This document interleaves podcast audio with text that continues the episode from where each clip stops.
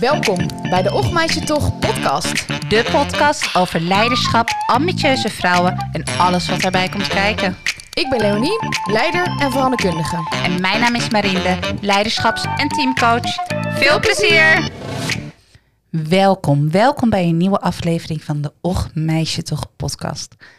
Wij zitten vandaag op een hele andere plek.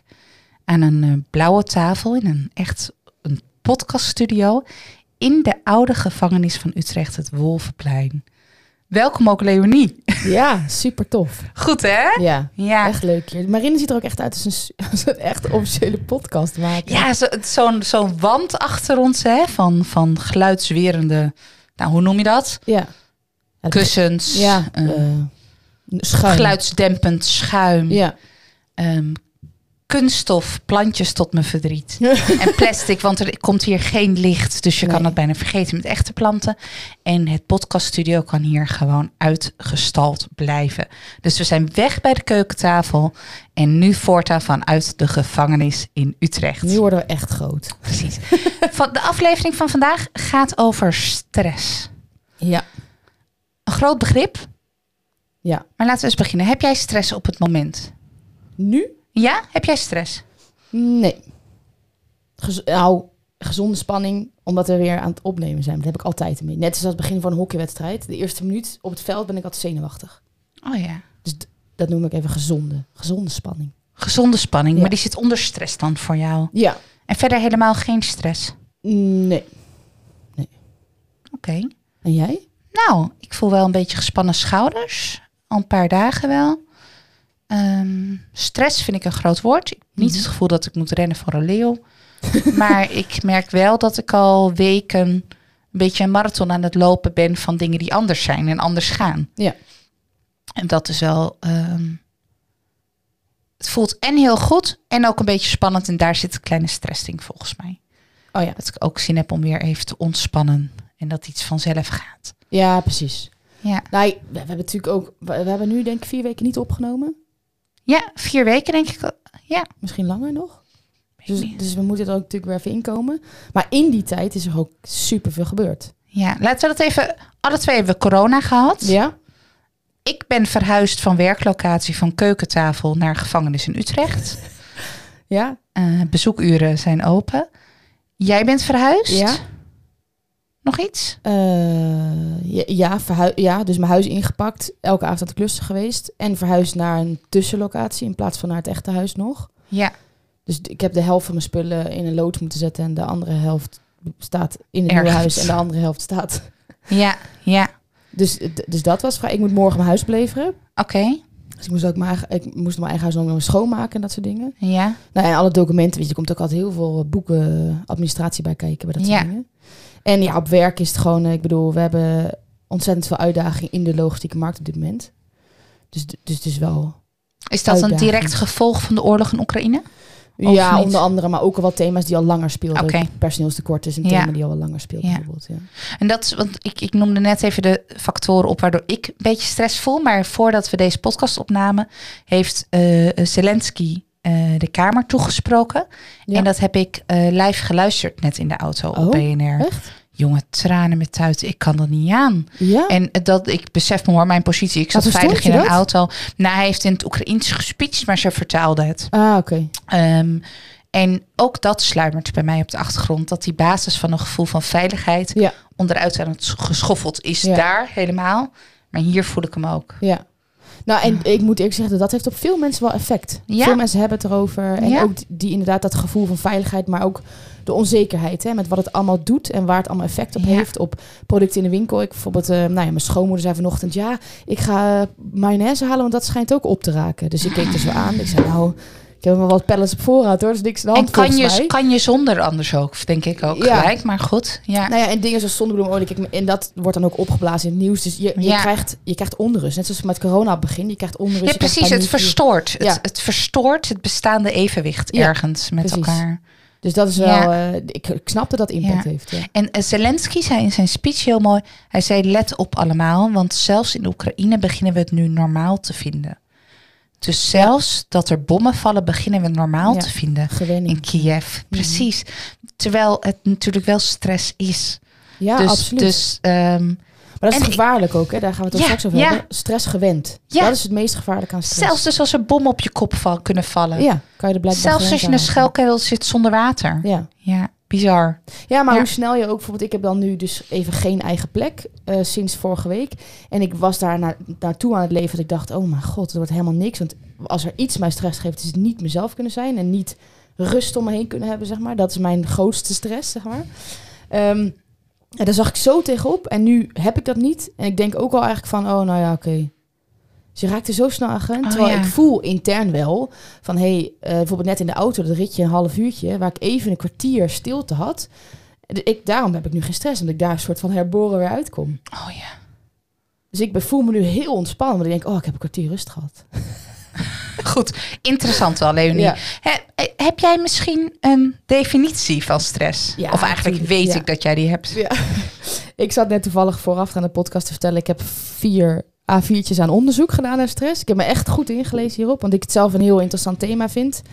Ehm, even kijken, een definitie van stress. In de dikke van Dalen is er een hele korte definitie, namelijk aanhoudende geestelijke druk, wat eigenlijk spanning is. Ehm, en er wordt door psychologen wel eh, iets verder op geborduurd. Daar wordt gezegd, de psychische en lichamelijke spanning, dat is wel interessant, want stress heeft lichamelijk effect. Eh, dus de psychische en lichamelijke spanning die ontstaat wanneer het verschil tussen moeten en kunnen langdurig te groot is. Moeten en kunnen. Ja. Dus als je iets moet, maar je kan het niet, en daar dus tegenop ziet, zeg maar, dat is een beetje feitelijk, Mhm. eh, dan krijg je spanning. Oké. En daarmee wordt gezegd aanhoudende geestelijke druk, eh aanhoudelijke geestelijke spanning, eh, zenuwachtig, eh, gespannen, gespannenheid, gevolgen van werkdruk, onnatuurlijke spanning en psychische spanning. Dat zijn een beetje de, de synoniemen die daarbij horen. En je zegt het verschil tussen moeten en kunnen, maar je zegt ook aanhoudelijke druk Ja, daarop. ja. Dus als je even iets niet kan, maar wel moet, Ja. Dan kan je het vaak nog wel, maar niet als dat langer duurt. Zeg je dat? Ja. Eh, nou ja, dan zorgt dan ja, het niet dat het niet kan, maar dan zorgt het voor effect, een negatief effect. ja. Dus eigenlijk heb je, en dat is misschien wel goed, hè, daar wilde ik natuurlijk ook op ingaan in de podcast. Je hebt eigenlijk twee paden die ik even wil bewandelen Mhm. eh, met de luisteraars. Ja. Eén pad is wat voor effect heeft stress op je lichaam? Dus wat, wat doet stress nou precies in je lichaam en hoe werkt dat? En de andere is hoe werkt het in je hoofd?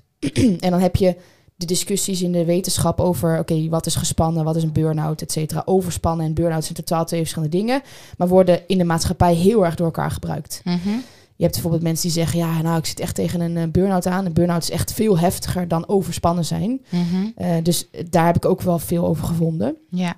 Mag ik voordat je dit uit elkaar zet nog even ingaan op het haakje over vrouwelijk leiderschap ook? Ja, Want dan leuk. weten we, hey, waarom bespreken we dit eigenlijk in de Ja. Och Meisje toch podcast? Ja. We hebben het natuurlijk ook al wel gehad in eh, vorige afleveringen over kinderwens en ambitie, over eh, eh, gezin en carrière. Ja, Ehm, maar er zijn ook heel veel onderzoeken die aantonen dat vrouwelijke leiders, vrouwelijke managers ook eh, vaak meer stress ervaren dan hun mannelijke collega's op dezelfde posities. oké. En ehm, ze denken dat dat is omdat vrouwen het vaker, met wat Emma in de vorige keer ook zei, met onbetaald werk combineren wat ze te doen hebben. Ja, Maar ze denken ook dat het te maken heeft met hoe verantwoordelijk vrouwen zich voelen voor een goede afloop. Dus dat ze ook meer taken doen soms dan dat hun mannelijke collega's doen. En ook ehm, omdat ze minder vrijheid nemen. En krijgen of nemen, dat weet ik niet. Hè, maar waarschijnlijk nemen om te werken wanneer jij wil werken. Dus, dus daarin je eigen werk organiseren. Maar zich eerder voegen naar wat heeft een ander van me nodig. In plaats van wat wil ik en kan ik doen. Dus, Dus dan, vrouwen passen zich eerder aan naar wat de ander vraagt, in plaats van dat ze zeggen, oké, dit kan ik je bieden. dat zeggen de onderzoeken. Dat dat waarschijnlijk de verklaring is. Dat herken Eh. ik op zich wel, denk ik. Ja. Ja. Dus dan, dan dat is inderdaad het verschil tussen moeten en kunnen ergens. Dus, dus je gaat iets doen wat je wellicht wel niet kan. Maar hey, we doen zoveel Ja, dingen die we eigenlijk niet kunnen. wel aan, ja. Dus ik doe het wel en ik maak zo'n. Nou, voor de je luisteraars kunnen niet kijken, maar ik ben een soort van aan het jongleren met mijn voeten en handen tegelijk. Dat doen veel vrouwen dan toch eerder. Ehm, en als je het niet eh, op dezelfde sectoren trekt, dan zijn er gewoon meer vrouwelijke leiders in de zorg en in het onderwijs, et cetera. Waarin ook vaker, ehm, nou, waarin de werkomstandigheden ingewikkelder zijn qua vrijheid en autonomie. Ja. Dus pas je je ook meer aan. Maar het is dus wel een groter probleem bij vrouwen Ja. dan bij mannen, lijkt het. Ken ik denk ik ook wel hoor in de praktijk. Als ik even kijk, als ik even zo reflecteer op mezelf, denk ik dat ik met mijn leidinggevende meer gesprekken voer over is dat eigenlijk wel jouw taak of ben je nu iets aan het doen waar je van je dacht, hé, hey, dit is mijn verantwoordelijkheid of ik voel me loyaal, dan dat Ja. het eigenlijk hoort bij mijn functie. Ik denk Ja. dat daar wel veel gesprekken over gaan. Waar de afkadering van je ja, betalingen. omdat ik vaak aapjes op mijn schouder neem. ja, Omdat ik dan denk, oh, het gaat mis, ik zie het misgaan, ik vang hem even op. ja. Terwijl het is ook heel goed als je iets juist mis laat gaan, bijvoorbeeld. En ik merk dat ik dat sneller doe dan anderen. Het superwoman effect. Ja, het superwoman effect. Ja, klopt. herkenbaar. Ja. Dus, ja. Dat is wel interessant. Ja, is interessant. En jij wilde het gaan hebben over het lichamelijke en het geestelijke aspect. Ja, van zal ik beginnen over het lichamelijke? Lekker. Oké, dus je hebt eigenlijk ehm, twee effecten. Dus lichamelijk en geestelijk. Lichamelijk gaat het er eigenlijk over dat stress aan zich goed is. Omdat het je actief maakt. Hè. Het zorgt ervoor dat... eh, nou ja, als we het hebben over... Het is een e- extreem oerinstinct van vroeger. Als je in één keer een sabeltandtijger op de weg tegenkwam... dan was het rennen of vluchten. Of vechten of vluchten. Eh, dus het komt... Het, het is dus helemaal in ons, in ons gebakken. In ons, in ons lichamelijke systeem. Ehm, en het is goed om dagdagelijks te functioneren. Simpelweg, je staat er door op. Even heel simpel. Of het zorgt ervoor dat je, als je even een deadline moet halen, je goed kan focussen, je kan afsluiten, et cetera. Ehm, dus het helpt om in actie te komen. Het zorgt er ook voor dat je honger krijgt 's ochtends. Maar eh, wat er gebeurt. Bedoel je dan, je hebt stress, want je voelt iets leegs in je lijf. Als in, ik heb honger, dat geeft een stresssignaal. Dat je iets moet doen. Eh, Bedoel nee. je dat? Nee, ik ga denk ik de hormoonstructuur uitleggen. Oké, makkelijk. Dan ja. kan je begrijpen wat ik bedoel. Ja, oké. Als, er, als er dus iets gebeurt, je krijgt een prikkel, wat voor prikkel dan ook, je wekker gaat af bijvoorbeeld, is je amygdala, dus in je hersenen, die bepaalt eigenlijk het signaal dat hij af gaat geven. En je amygdala stuurt dat signaal naar je hypofyseklier. Die zit in je hersenen. En die bepaalt welk hormoon er naar je lichaam wordt gestuurd. En die hormonen gaan via je bloedbaan. En bij stress eh, gaan er twee eh, hormonen je bloedbaan in. En dat zijn een soort van de informatieverspreiders voor je lichaam. Dus je moet je hoofd zien een soort van computer. En de rest die wordt daardoor aangestuurd. Ja. Ehm, bij stress is dat eh, concreet adrenaline en cortisol. Mhm. En die adrenaline, die zorgt er dus bijvoorbeeld voor dat je hartslag omhoog gaat, je bloeddruk omhoog, je vaten worden wat nauwer, nauwer en daardoor kan je super gefocust zijn. Mhm. Ehm, je cortisol volgt ietsje later. Dus je adrenaline is de eerste kick die je krijgt en cortisol volgt iets later. En die zorgt er eigenlijk voor dat je lichaam energie gaat aanmaken. Dus die zegt eigenlijk tegen je lichaam, let op, je moet nu energie gaan aanmaken.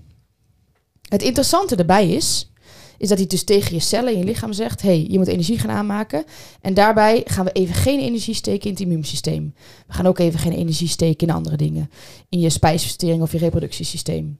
Mhm. Want we hebben de energie nodig. om die in die actie te komen. Ja. ja. En dat is top, hè? Dus als je een presentatie hebt en je staat voor een groep, gaat hij dus even de rest gaat hij Ja, uitschakelen. je voelt dan echt niet dat je honger hebt of naar de wc. Ja, moet of wat dan ook. Superhandig, ja. Ehm, en zo kan je eigenlijk optimaal focussen. En als dan vervolgens het gevaar weg is, je loopt het podium af, want je hebt de presentatie gegeven, dan gaat die hypofyseklier, die geeft ook weer een signaal af voor andere stoffen om je lichaam weer in ruststand te brengen. Ja. Waardoor je dus weer honger krijgt, et cetera. En denkt, ik moet eigenlijk heel nodig naar de wc. Ja, bijvoorbeeld. Ja. Ehm, dus dat is eigenlijk de manier. En die adrenaline, bijvoorbeeld, waar we net even over jouw vraag, hè, van de ochtends vroeg.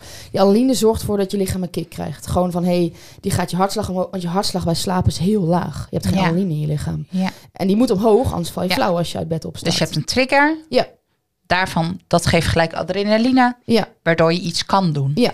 Oké. die zorgt dus dat je gewoon in actie komt. En die Ja. cortisol volgt erna. En die zegt, oké, lichaam, je moet in actiestand komen. Nu moet je ook energie gaan aanmaken om, die, om in actiestand te komen.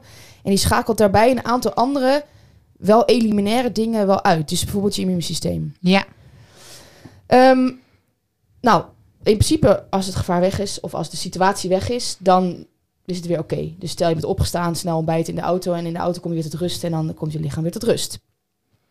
Dus daarom is een beetje stress oké. Dat is sterker nog, anders zou je niet dagdagelijks functioneren. ja, die prikkels zijn heel gezond en die adrenaline ook. En, die En met stress bedoel ik dan niet het negatief wordt stress, maar bedoel ik het aanmaken van die hormonen. Ja. Dus die prikkel die je krijgt. ja, om in actie te Ja, komen. dus ik probeer je stress ook als woord te gebruiken van... hey, je lichaam krijgt een prikkel, gaat iets doen. Ja, Dus de actie of de reactie van je lichaam op iets wat je moet gaan doen. Maar vervolgens, ehm, als je dat dus heel lang hebt, die cortisol die blijft heel lang aanhouden, want je hebt een hoge mate van stress. Heel de dag door, deadline na deadline na deadline, de kinderen van school halen. Gewoon een heel druk programma door de dag heen, of door de weken heen, door de maanden heen. Of een scheiding, een trauma, een, een moeder, vader die grote verliest gebeurtenissen. grote gebeurtenis.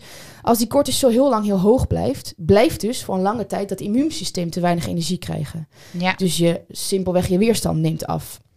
Wat er ook gebeurt, is je hele stofwisseling en je energietoevoer en je suikerspiegel, die doen het ook niet goed meer. Dus daardoor krijg je heel vaak van die, van die sugar kicks, weet je. Dat je in één Ja. keer heel erg honger hebt, er is zin in een reep chocola. Dat kan je veel mo- moeilijker reguleren. Ehm, en doordat dat in de war is, gaat ook je slaapritme gaat niet goed. Je lichaam krijgt niet meer seintjes van, hey, je moet nu tot rust komen. ja. Ehm, nou, dat soort dingen. Dus op lange termijn kom je in een soort visuele cirkel terecht van eh, niet, niet goed immuunsysteem, die niet voldoende aandacht krijgt van je lichaam. Eh, eh, je slaapritme gaat door de war, je bloedsuikerspiegel gaat door de war, et cetera. ja, dus je wordt moe en dingen lukken minder Ja. goed. En daardoor word je nog moeier, ga je Ja. slechter eten, slecht Precies. voor je lijf. Ja. Zo, ja. Dus als je een periode van stress hebt, dan kan dat toegaan naar overspannenheid. Ja. Dat is dat je lichaam te hard werkt. En dus ook je cellen, dat moet je ook echt zo, dus feitelijk zo zien, je cellen werken ook harder dan dat ze moeten werken. Want dat cortisol, die zegt tegen je cellen, je moet harder gaan werken, want ik heb die energie nodig. Ja. Dus je, feitelijk gezien werkt je lichaam echt harder. ja, dus het opgejaagde, gespannen gevoel Ja. dat je dan krijgt, dat klopt ook. Dat want je lijf is ook harder. Ja. Dus die hartkloppingen die mensen Ja. ervaren, dat is ook harder werken. En dat is die adrenaline dan. Ja. Dus dat is de cortisol en adrenaline. Ja. Ehm, en dat is dus ook zo. Dat is dus uiteindelijk kan je dan echt naar de burn-out fase toe gaan. Dus als je een, periode lang kan je gewoon overspannen zijn. Uiteindelijk, nou ja, eh, ze zeggen ergens in de literatuur, maar dat is denk ik voor iedereen verschillend. Tussen 6 en 12 maanden kan je echt wel in een burn-out terechtkomen. En dan ben je gewoon letterlijk burnt out. Je cellen zijn burnt out, zit geen energie meer in die zijn cel. kapot. Die zijn kapot. Eh, ja, je kan niet helemaal kapot, maar in ja, ieder geval je bent tuurlijk. ja. Ja. Ehm, en dan kom ik, dat is dan nog de soort middellange termijn, want de echte lange termijn van een aanhoudende cortisol en adrenaline ligt nog veel verder. Namelijk, doordat die cellen zo hard werken, raken ze eerder uitgeput, worden ze eerder door je lichaam vernietigd en moeten ze zich opnieuw gaan kopiëren. Mhm. Een cel die vernietigt zichzelf en kopieert zich en deelt zich. En dat kopieerproces wordt ook door de tijd heen slechter. Mhm. Dus daardoor ontwikkelen zich bijvoorbeeld verkeerde cellen, wat kan leiden tot kanker, hè, maar dat is even niet... de, daar Nee, we zeggen nu niet dat Nee. als je kanker hebt, heb je Nee, te veel stress gehad. absoluut Maar niet. het kan voor verkeerde Ja. celdeling zorgen. Ja, het gaat erom dat je lichaam, eh, je cel, die deelt zich. Dat is een soort van kopieerproces. Dus eh, stel je Ja. legt een encyclopedie op de kopieerapparaat. Dat is je DNA, die wordt gekopieerd. Ja. Dan kan je wel eens een bladzijde vergeten met kopiëren. Ja. Dat kan. Dus die cel, die gaat zich eerder eh, vernietigen en die gaat eerder delen. En als je dat dus zo lang doorhoudt, ja, ouderdom, die cellen worden gewoon minder goed. Dat is wat ouder worden is. Dus uiteindelijk, als je lichaam dus over echt jarenlang zoveel cortisol blijft hoog houden, dan verlies je dus ook jaren. Ja, oh, dit is interessant. Ik heb echt net een, nou, twee uur eh, voor deze podcastopname las ik een artikel over Overvecht Utrecht, dicht waar, waar we nu zijn. Ja. Je hebt de spoorlijn, het station voor de mensen die er komen. Links, eh, voor de kijker denk ik, heb je de, heb je de hoge flats, hè? Heb je de, een, een deel van Overvecht met hoge flats, hoge bebouwing, een sociale huurwoning, et cetera. Rechts heb je Tuindorp. En daar Ja. in het linkerdeel van het station wo- eh, leven de mensen het kortst van Utrecht. In het rechterdeel het langst. Is gescheiden door één treinbaan. Het is interessant hè, zo dicht bij elkaar wonen. Maar en hoe toch dan? lijkt dat stress, nou dat lijkt dus op stress en op leefomstandigheden. Dat die links zoveel slechter zijn Ja. dan rechts. Waar rechts de mensen een tuin hebben, waarschijnlijk meer te besteden geld, want Ja. ze wonen veel beter. Mhm. Links is sociale huurwoning, veel, veel ehm, bijstand, et cetera. Maar dat is toch ook zo. Hebben we het daar eerder over gehad? Dat er onderzoek in Japan.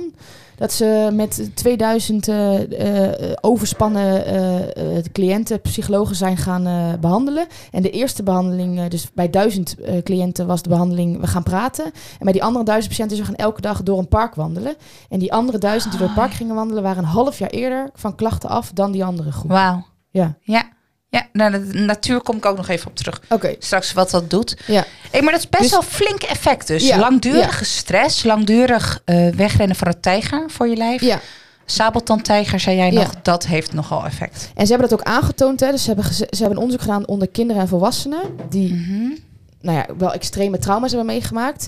En die veel stress in hun jeugd hebben ervaren. En die zijn ook biologisch gezien, dat kan je meten door een bepaald eh, stofje in eh, je lichaam. Biologisch gezien zijn ze ook ouder. Dus dat betekent dat hun cellen al verder zijn dan cellen van hun leeftijdsgenoten. Zo, En dan heb je, dus dat is het specifieke effect van cortisol. Dan heb je ook nog het effect van eh, adrenaline. En dat hebben ze een soort van, de aanleiding daarvan was de grijze haren van Obama na zijn acht jaar presidentschap. Is ook het is ook, ik, ik, ik, bijna iedereen die kinderen krijgt, is twee jaar daarna grijs. Ja, nou dat is dus ook echt zo, want adrenaline, interessant specifiek effect van adrenaline, Ehm, en dat is eh, de, de cellen in je haarzakjes die je haar kleuren, dat he- heet melanine volgens mij, Ehm, die raken sneller uitgewerkt als je een hoog adrenalinegehalte in je lichaam hebt. Ja, dus simpelweg, daardoor word je dus gewoon eerder grijs. Want die haarzakjes kleuren je haar op een gegeven moment niet meer, want dan zijn ze uitgeput. Ik vind grijs wel bloedmooi, bedenk ik me. Dus ik bedenk, ik verf het nu grijs. Zal ik even... Oh, ja. dus toch eens kijken Zal hoe ik dat kan doen. Ja, precies. Maar dat, da, dus het is geen fabel dat je sneller Nee, grijs wordt Dat is van absoluut kinderen. geen fabel. Nee. Nee. Dus ook door de universiteit... eh, ik heb zo'n podcast luisteren van de Universiteit Utrecht. Die heeft dit ook aangetoond. Ja, Dus dat is even lichamelijk gezien... ehm, zo. Het heeft nogal effect. Ja. Ja. Nou, en dan, ehm, dan heb je dus eigenlijk je mentale toestand. Hè? En dat is wat moeilijker, want dat verschilt ook heel erg per persoon. Maar daar gaat het vooral over. Je hebt dus de periode van stress, wat gezond kan zijn ook. Je hebt de periode van gespannen, dat je een, een tijd lang, een week, een maand gespannen bent. Dan kom je in de overspannen fase uit. En dan ga je echt wel, dan word je, ben je sneller geïrriteerd, je Ja. bent moe, je hebt veel op rare momenten honger. ehm, eh, wat had ze er nog meer over gezegd? Ehm, kijk, ik had wat dingen opgeschreven. Je bent snel overprikkeld. Je, hebt, je hoofd zit letterlijk te vol. Ehm, en je hebt ook vaak het gevoel, ik, ik, heb zin aan, ik ben toe op vakantie. Eh, daarom zei ik, weet je, ik Ja, er staat eh, op de achtergrond in deze ruimte staat een beamer eh, te draaien waarop we continu beelden van een Bounty Island zien. Ja, heerlijk. ja. Ehm, dus dan in de overspannen fase ben je wel moe, maar je niet compleet uitgeput. Maar je bent wel overprikkeld, weet je Ja. wel. Ehm, en dan, als je dat negeert en daarin doorgaat, dan uiteindelijk kom je in de burn-out terecht. En dat is heel heftig. En daar kon ik ook niet zoveel over vinden. Ik heb dat zelf nooit meegemaakt. Dus ik wil ook niet daar iets over zeggen, omdat ik niet heb meegemaakt. Want ik kan me voorstellen dat het voor persoon heel heftig is. Maar dat is Ja. letterlijk burnt out. Daar komt ook de naam vandaan. Ja. En dat is gewoon, ja, op, uit. ja, precies. Te lang dat verschil te Ja. groot tussen moeten en kunnen. Ja. Tussen dragen, verantwoordelijkheid Ja. nemen. En dat gaat echt van dat mensen gewoon maanden niet uit huis kunnen komen. Ja. Dat is echt niet uit bed kunnen komen. Dat is echt ja, heel ja, heftig. is heel heftig. Ja, ja, zeker. Ja. Ehm, ja. wat ik daarover gevonden heb, is als we het hebben over feiten en cijfers. Ik had ergens dat een derde. Wat moet ik even opzoeken hoor. Een derde van de bevolking ehm, heeft wel op enig moment met chronische stress te maken. Dat is Mhm. dus de langdurige spanning in de overspannen fase. Ehm, en dat is natuurlijk voornamelijk omdat je dan, weet je wel, deadline, oh ja, ik ga ontspannen. Oh nee, ik kom nog een deadline. Oh ja, ik moet de kinderen ophalen. Oh nee, en dat gaat dan Mhm. weken zo door. is ook vaak Ehm, tussen je twintigste en dertigste las ik dat de eerste periode zich daarvan Ja. aandienen. Dus Ja. dat is ook die periode. Ja, gelukkig wel. Als je Ja. als kind zo. eh, En dan heb je afgelopen, dus de afgelopen tien jaar zijn die stressklachten heel erg toegenomen. En uiteindelijk zitten we nu op dat 20% van de werknemers loopt rond met burn-out-achtige klachten. Dus extreem overprikkeld, veel moe. Het is niet burn-out, ze hebben dat niet, maar ze zitten in die echt overspannen Precies, fase. ze zitten daarvoor, die Ja. fase. En angst- en depressieklachten komen voor bij 30% van de bevolking. Ja, ja, één op de vijf krijgt zelfs echt een depressieve periode Ja. in Nederland. Dat is echt best veel. Ja. Ehm, ik las nog mooi, ze hebben bij muizen, muizen lijken in de primaire basis vrij veel op ons, ook hoe onze Mhm. hersenen werken. En ehm, bij muizen is er dus aangetoond dat het heel veel effect heeft op, op jou, hoe jij hebt leren dealen met stress als, toen je als kind op de wereld kwam als baby.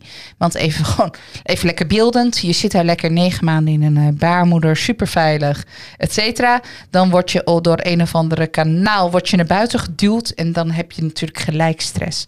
Die kinderen janken niet voor niks, denk ik altijd. Want je hebt licht, je hebt hard geluid, je hebt niet meer dat warme dekentje om je heen. Uh, oh, niks is meer gedempt. Dus daar komt heel veel stress bij kijken. En je moet opeens leren drinken, je moet leren poepen, alles. Ja. Um, het is aangetoond als je de eerste tien dagen en het liefst drie weken alleen maar buidelt en alleen maar je kind dichtbij haalt. Mhm. Bij muizen, ik zeg kind, maar bij muizen heeft dat nog een hele leven effect in hoe ze met stress omgaan. Zo. Hoe goed ze stress kunnen handelen en of ze dus inderdaad die verkeerde celdeling gaan aanmaken of niet. Ja, ja, ja. Ehm, dus dat schijnt bij muizen een heel groot effect te hebben. En eh, ehm, deze onderzoeker eh, besloot zijn pleidooi van... dit onderzoek hebben we niet met mensen gedaan... maar zullen we het er maar niet op wagen met elkaar? Dat Nee, dit effect heeft. Ja. Zullen we dit maar niet Nee, doen. een soort. eh, ja, en dat lijkt dus wel dat je heel erg dichtbij, dat, dat je dus wel directe invloed hebt, maar er snel bij moet zijn. Om dit te geven aan hele jonge kinderen. Ja, maar dat ze leren stress echt. te Ja. reguleren. Ik geloof ook echt dat je dat, dat je dat kan reguleren. Dat je kan, en dat je ook daadwerkelijk ook nu nog kan leren omgaan met stress. Daar, daar geloof ik echt in. Dat je Ja. daar zelf invloed op hebt. Ja. Hoe je omgaat met, eh met Tuurlijk, daar stress. heb je een regulatie in. Ja. Maar we hebben wel gewoon, de een is gentechnisch Ja, ook. eh, absoluut. nerveuzer en Ja. angstiger aangelegd dan Mhm. de ander. Ja. Dat, daar, dat is zo genetisch bepaald. Daar heb je bepaalde invloed op. Maar daar heb je meer te leren dealen met je eigen karakterstructuur. Ja. En keuzes te maken. Je boft ook gewoon als je. Nou, ik heb zelf echt heel weinig aanleg voor depressie, geloof ik. Daar bof ik ook gewoon mee. Dat dat er niet is. Ja, precies. Ehm, Ja, dat, ja, dat denk ik ook. Ja. Maar je, hebt, he- je kan heel veel doen met bewuste zelfregulatie. De- als je eenmaal de reflectie hebt en leert hoe je ademt, leert hoe je het doet, pauze te nemen, Mhm. et cetera, dan kan je inderdaad wel veel doen. Nou ja, Ehm, en dat is natuurlijk ook zo. In principe is stress, dat is waar, daar, daar begon ik ook mee. Hè. Stress is dus het oerinstinct. Wat ons is meegegeven in de jagers- en verzamelaarstijd. Was er ook daadwerkelijk gevaarlijke situatie. Als je een Ja. olifant tegenkwam, was het daadwerkelijk wel gevaarlijk. Ja?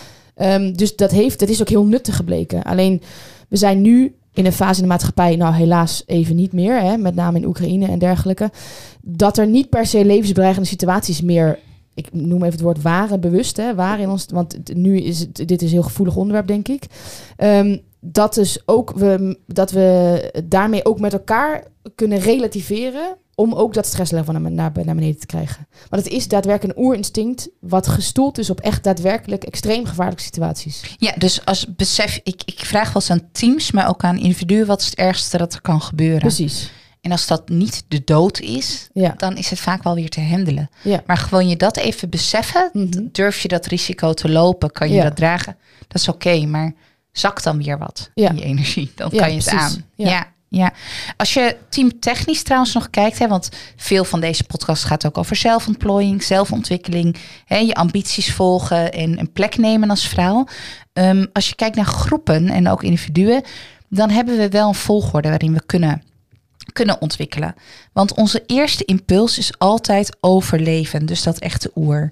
Dat betekent dat we evenwicht willen. Dat betekent dat we willen stabiliseren. Ja. Dat betekent dat als het stress is en onevenwicht, hè, dat iets uit balans is, dat we alles doen binnen al onze lekkere aangeleerde kopingsvaardigheden om stabiliteit terug te brengen. Dus daar, dat is waarom je een foute grap maakt op een ongepast moment. Eh, dat is waarom je het terugtrekt als een Ja. meurbloempje. Dat is waarom je je mond maar houdt. Dat is waarom je toch weer in die discussie belandt met kerst. Omdat je het gewoon wil stabiliseren. Ja. Omdat je aan het overleven bent. Ja. En dan ben je niet meer aan het ontwikkelen. Nee. Want dan is het blijkbaar te spannend, et cetera.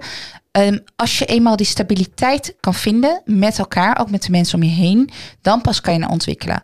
En die stabiliteit kan je vinden door de kwaliteit van communicatie. Ze zeggen vaak het begint met vertrouwen, het begint met veiligheid. Nou, dat is wat mij betreft niks anders dan weten hoe communiceren wij met elkaar. Dus kan ik erop aan dat jij naar mij luistert, kan ik erop aan dat jij naar en andersom. Ja. En dat we daarin, als wij niet in verbinding zijn even en de communicatie slecht is, dat we het weer kunnen oppakken. Dat is veiligheid. uit verbinding kunnen gaan, want dat doen we nou eenmaal als mensen, en dan ook weer in verbinding kunnen gaan met Ja. elkaar en weten dat dat altijd kan. Nou, als je dat hebt, dan pas kan je gaan naar on- ontwikkelen gaan. Dan pas kan je de grote verschillen, stress goed handelen Mhm. en helemaal echt transformeren en echt grote persoonlijke of teamtrajecten. eh, Maar die kan je eigenlijk ook rechtstreeks leggen dan ook over de behoeftepyramide van, eh, van, van Maslow, toch? Dat die laatste laag is pas ontwikkelen als je al die andere daarvoor, Ja. veiligheid, et cetera, verbinding Ja, hebt maar die laat, die, de Maslow zegt natuurlijk wel gewoon echt dat is alleen maar een dak boven je hoofd, je honger, et cetera. Ja, Maar ehm, ik vind dit nog wel veel meer zeggen. Ja, en echt de kwaliteit van verbinding en communicatie met elkaar maakt dat je veilig bent. Ja. En daardoor kan je ontspannen daarin en eh, stress beter reguleren. Dat teams die heel erg op elkaar ingewerkt zijn, omdat ze niet meer bezig zijn met hoe verhoud ik mij hier tot de groep. Mhm. En vinden ze me wel leuk of vinden ze me niet leuk? En vinden ze me niet raar als ik dit zeg? Teams die daar echt voorbij zijn met elkaar. En dan niet die zeggen dat ze erbij zijn, maar er echt voorbij zijn. Die kunnen best wel wat stress aan. En dus, dus wat zou dan een tip zijn voor de werkgever die teams ziet waar veel stress is? Nou, allereerst voor de werkgever zelf zelfregulatie. Want als je in, het als je in zo'n systeem komt dat aan het overleven is, grote kans dat jij zelf ook alleen maar aan het overleven bent. Dus dat er ook een appel wordt gedaan op jou vechten, vluchten of vries. Ja. Dat je dat gelijk in alles voelt wat er daar gebeurt. Dus allereerst je beseffen dat jij dat ook doet. Dat het bij jou ook gebeurt. Ja. En dan gaan beseffen, hé, hey, dan gebeurt het misschien bij meer mensen. En gaan bouwen aan de kwaliteit van contact. Aansluiten, elkaar horen, voortbouwen op wat de ander zegt. In plaats van iets nieuws inbrengen. Ja. Dus daarin die kwaliteit van interactie echt gaan opvoeren met elkaar. Dat lijkt me de, de basis om aan te gaan werken dan. Ja. En het lijkt heel kinds, hè, maar dit is zo moeilijk. Hier krijgen we geen les in met elkaar op school. Nee. We krijgen les in als jij praat, hou ik mijn mond dicht. Ja, ik, ik heb nog nooit een ontspanningsles gehad. Nee, nou, nou dat ook nog eens. Ja, ja. Ehm, over een ontspanningsles. Ja. Ik heb een Goed stukje kunst. Ja, toch? Dankjewel daarvoor. Ik heb een stukje kunst. Oeh. En ehm, als je aan het luisteren bent in de auto, dat wordt officieel door wetenschappers afgeraden Oh, oké. om dit te luisteren in de auto. Ehm, This is a warning. Precies. Ehm, maar als je er niet helemaal in duikt, kan het vast ook wel. Het is aangetoond. Laten we dat niet zeggen. Straks even... Dan hebben wij het gedaan. ja. Even kijken hoor. Ik moet even de goede eh, openen. Ehm, ze hebben natuurlijk gekeken naar wat jij ook al zei, wat er allemaal in je hersenen gebeurt, et cetera. En er is veel onderzoek uit de muziek, dat muziek een hele grote invloed heeft op je hersenstructuren, op je ontspanning daarmee ook. En iedereen weet natuurlijk wel dat je soms naar bepaalde muziek grijpt. En wetenschappers hebben het perfecte ontspanningslied samengesteld. Waarvan ze zeggen dat heeft direct effect op al je neuronen in je hersenen. En dat is de diepste ontspanning die jij kan bereiken daarmee als je dit luistert. ja. Ehm, en dat lied heb ik nu. Daar gaan we een stukje van luisteren. En dat, dat praat dus niet alleen maar met vind je het mooi, maar ook echt wat doet het met je. Ik ga hem instarten. En even kijken, want we horen hem nog niet, geloof ik. Het was even stressen, maar daar is die.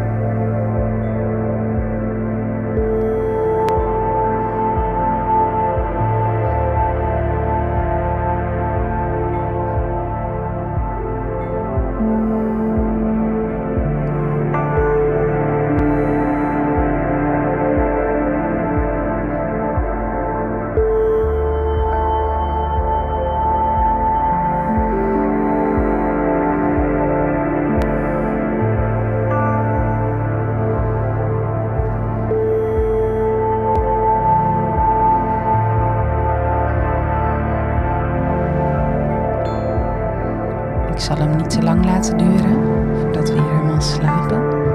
Hoe is dat voor jou om te horen? Ja, ik, ik hou echt van dit soort muziek. Ik Oh, ja. luister ik heel veel pianomuziek. Ja? Als ik echt... ik denk, oké, zit. nu moet ik echt ontspannen. Ja. Dan eh, luister ik altijd heel heerlijke pianomuziekje. Mhm. Dus ik, ik ken het effect van muziek op Ja. mijn gemoedstoestand. Ik had bij deze muziek, ik heb hem eh, van de week voorbereid. En toen, ik merkte, ik, ik voelde opeens hoe moe ik was ook daardoor. Dus Oh, ja. het liet me ook inderdaad ontspannen en alles voelen daarmee. Ja.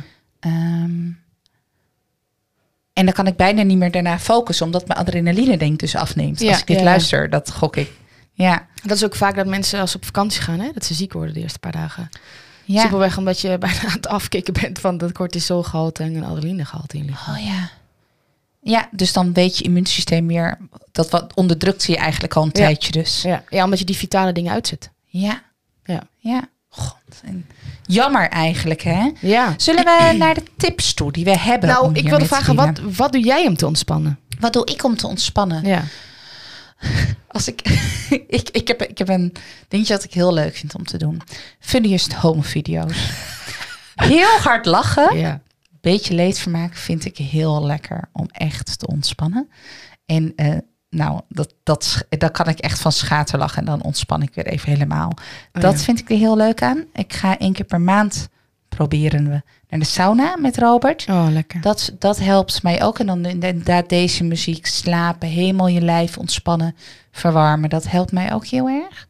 Eh, wandelen buiten Oh ja. helpt me ook heel erg. En echt spelen ook, vind ik ook leuk buiten.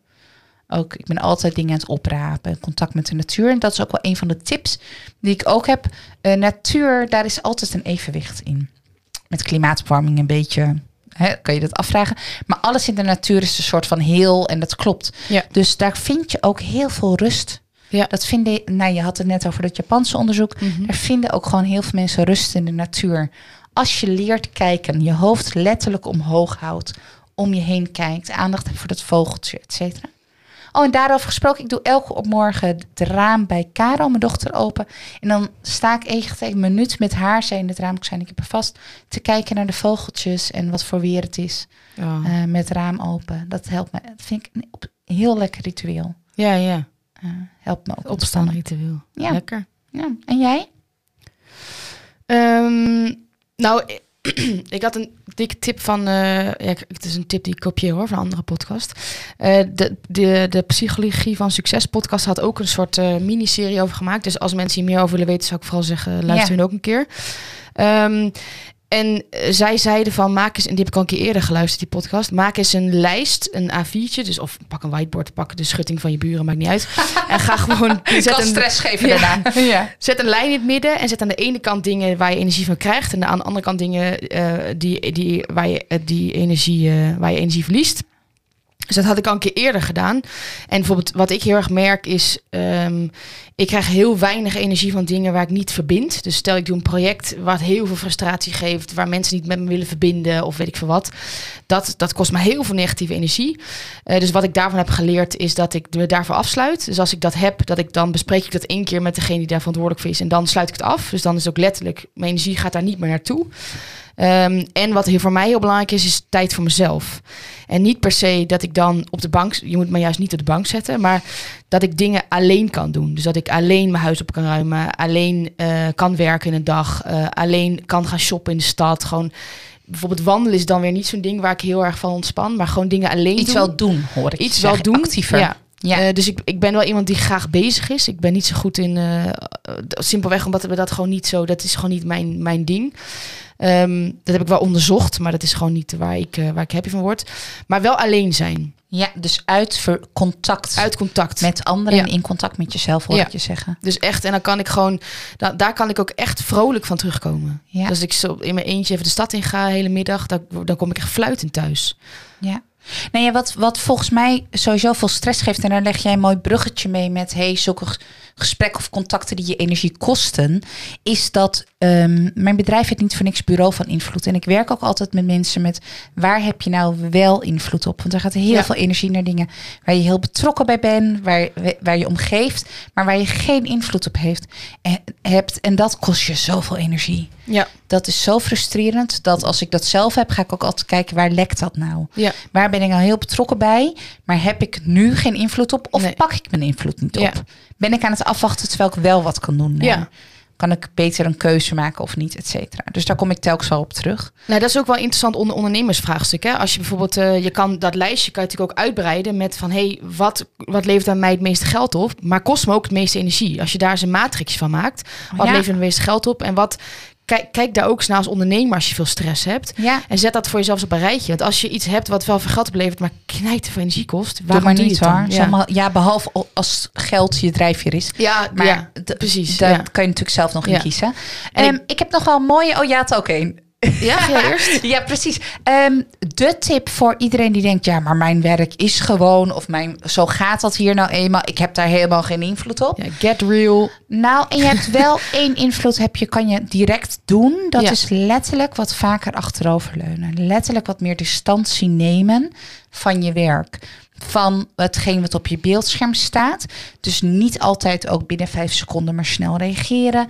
Maar echt even achterover en denken, wat gebeurt hier nou eigenlijk? Wat wordt hier nou eigenlijk gezegd?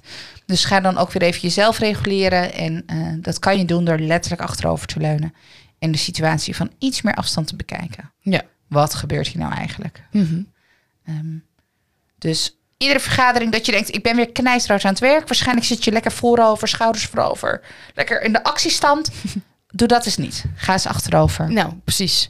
Nou ja, en ook, ehm, de, dus dat is meer op je werk. Maar wat, wat ik ook wel heb is, eh, je lichaam geeft signalen af. En die kan je negeren, dat kan je doen. Je kan zeggen, dat hoor ik namelijk heel veel collega's vaak zeggen, is van ja, nee, na deze deadline ga ik echt ontspannen. Ja, Ja, maar misschien haal je die deadline niet, omdat je dan al te ver bent gegaan, zeg maar. Ja. Dus ehm, dat was een beetje mijn, mijn get, get, get real-achtig. Van st- stel het niet uit om aan de slag te gaan met die, eh, eh, met die signalen. Dat ik moet hier echt een beetje doen. lachen. Wij hebben, Robert en ik hebben afgelopen maand twee keer onze saunadag verplaatst. En hij staat nu voor aankomende dinsdag. Hij komt eigenlijk niet zo goed uit. Maar wat ik dan tegen allemaal coaches zou zeggen, dan komt hij dus perfect uit. Ja. Dan precies dan heb je hem nodig. Precies dan, ja, als je denkt, oh wat werk ik knijterhard, ik heb geen tijd voor een pauze, dan moet je je pauze verdubbelen. precies. Nou, en dat is ook echt, want er wordt ook gezegd, hè, letterlijk, van, eh, dat er komt veel, veel uit wetenschappelijk onderzoek. Eén dag stress is één dag bijkomen. Dat moet in balans zijn. Ja, Dus mijn tip is echt, ehm, en weet waar je energie eh, eh, aan kwijt bent. Weet waar je juist energie van krijgt. En als je lichaam signalen afgeeft, doe daar iets mee. ja. En zeg niet, oh nee, na, nee, na, nee, over twee maanden, dan eh, weet je wel, deadline gehad. Misschien haal je die twee maanden niet. Ja. Niet omdat je het Ja, nee, bent, maar, maar... nee, nee, maar heel lullig. Als je niet luistert naar het fluisteren van Ja. je lijf, gaat het lijf schreeuwen. Ja, en keuzes heb je altijd. Bam. Mooi. Toch? Ja, die Ja, onderschrijf ik ook. toch? Nee, niks Ja, toch? Ik nee, weet dat je die hebt. Precies, ik maak en als ze. bureau van invloed onderschrijft, dan dat, Ja, die heb je. Je hebt altijd een keuze. altijd. Altijd een keuze om te maken. Dat betekent niet dat het een makkelijke keuze is of dat je geen stress meer zal hebben. Want het kan zijn dat als je een keuze maakt, je stress van iets anders krijgt. Dat klopt ook. Achter elk moeilijk gesprek zit een zwetende 10 minuten. Tien minuten. Ja, weet ik veel. Maar in ieder geval, Wat is niks is, mak- Ja, maar is niks is makkelijk. Nee. Niks is makkelijk. Nee. Oké, eh, Leonie, je mag even bij me op de sofa komen liggen. Ja. Volgens mij moeten we gaan afronden. Ja. Ehm, wat neem jij mee uit dit gesprek? Nou ja, ik, ik, ben, hier- kijk, ehm, ik ben hier al best wel bewust van. Ik heb dat lijstje al een keer voor mezelf gemaakt. Ik weet precies, en ondanks dat ik nog wel eens die heb, weet ik inmiddels ook wel. Ik had bijvoorbeeld gisteren nog een gesprek met een collega van, ik zei, ja, ik weet dat dit mij frustreert, maar ik ga het één keer benoemen en dan sluit ik het ook af. Weet je wel zo. Dat is dus, ik weet waar mijn energie eh, eh, lekken zitten en ik weet die ook wel goed te pareren inmiddels. Ehm, en daarbij zeg ik niet dat ik de goeroe ben op stress. Want ook ik denk af en toe, jee, maar ik last van mijn rug. En dan denk ik dan drie weken, weet je wel. Dus niemand is daarin perfect. Ehm, en ik heb wel veel geleerd van wat voor effect het heeft op je lichaam. Dus ik vond het onderzoek heel leuk. Sorry, maar jij hebt pijn in je hand. Hè, die heb je een tijd geleden met skiën gedoe. En ehm, ik heb zei net, gebroken, ik, ja. precies. En ik zei net tegen jou, het ziet er pijnlijk uit. Je houdt hem anders. Ja, Het lijkt alsof je pijn hebt in je hand. Klopt dat? En toen zei je, ja, hij is dik, maar daar heb ik nu even geen tijd voor. ja. Ja, maar nu op dat moment toen ik met jou de gang liep, heb ik daar geen tijd voor. Nee. Nee, ik, ik, natuurlijk ben- Nee. dus daarom. Hartstikke ik ben ook, zijn wij hier, hè? ja, nee, maar ik ben ja. hartstikke kwetsbaar. Ik bedoel, iedereen die, al mijn vriendinnen die naar deze podcast luisteren, zullen ook het Ah. dat je denken, haha, Leo, lekker. Maar, ehm, dus absoluut, ik ben ook geen goeroe, absoluut niet. Maar ik, ik weet wel dingen in balans te houden. Ja, precies. Inmiddels. En dat is Ja. de oproep die we willen geven. Als je ruimte voelt en als je er last van hebt, ehm, breng dingen in balans. Ga Ja. ermee aan de slag. Ja. Weet dat je niet de enige bent en dat Nee. je het gezond kan maken. Ehm, en ook gewoon succes met je adrenaline en cortisol. Toch? Ja. Ja, en, en mocht je iemand om je heen een baby krijgen, of mocht je daar enig invloed in het heel, heel prille begin kunnen uitoefenen, doe het. Knuffelen. Ja, zorg dat de moeder en de vader volledig kunnen knuffelen en dat die niks anders hoeven te doen.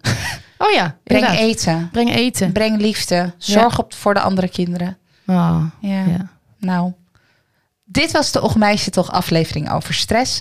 Ehm, ik ga mijn saunadag niet annuleren volgende week. Nee, ik waarschuw. je. Ja, ik, ik voel hem ook. ik ga checken dinsdagochtend. ja, dan gaan we niet. We, ik ga naar de sauna. Lekker. En ehm, ik hoop dat jullie allemaal dat voorbeeld. eh, dat je iets bedenkt nu wat jij echt moet doen. En dat ook gaat doen. Tot ziens.